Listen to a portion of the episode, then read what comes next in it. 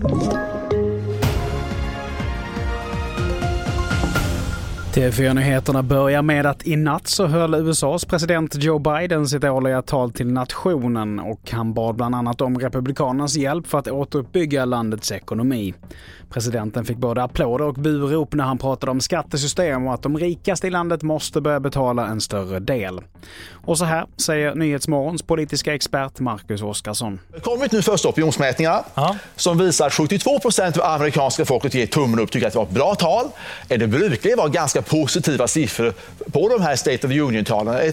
En chans för presidenten att liksom vända om opinionen och kanske lyfta ytterligare. Och det här är lite grann starten nu, för det är ju presidentval nästa år i USA.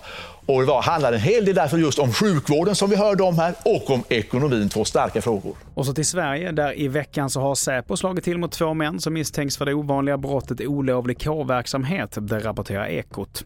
Brottet innebär att man bidrar eller deltar i en sammanslutning som i sin karaktär kan utvecklas till ett otillåtet maktmedel liknande en militärtrupp eller en polisstyrka.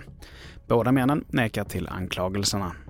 Och till sist, nyzeeländsk polis har fiskat upp 81 balar med kokain ute i Stilla havet som tros ha blivit dumpade av internationella smugglare. Beslaget uppgår till 3,2 ton och är det största man någonsin gjort och beräknas tillräckligt för att förse den australiensiska marknaden under ett helt år. Fler nyheter hittar du på tv4.se. Jag heter Mattias Nordgren.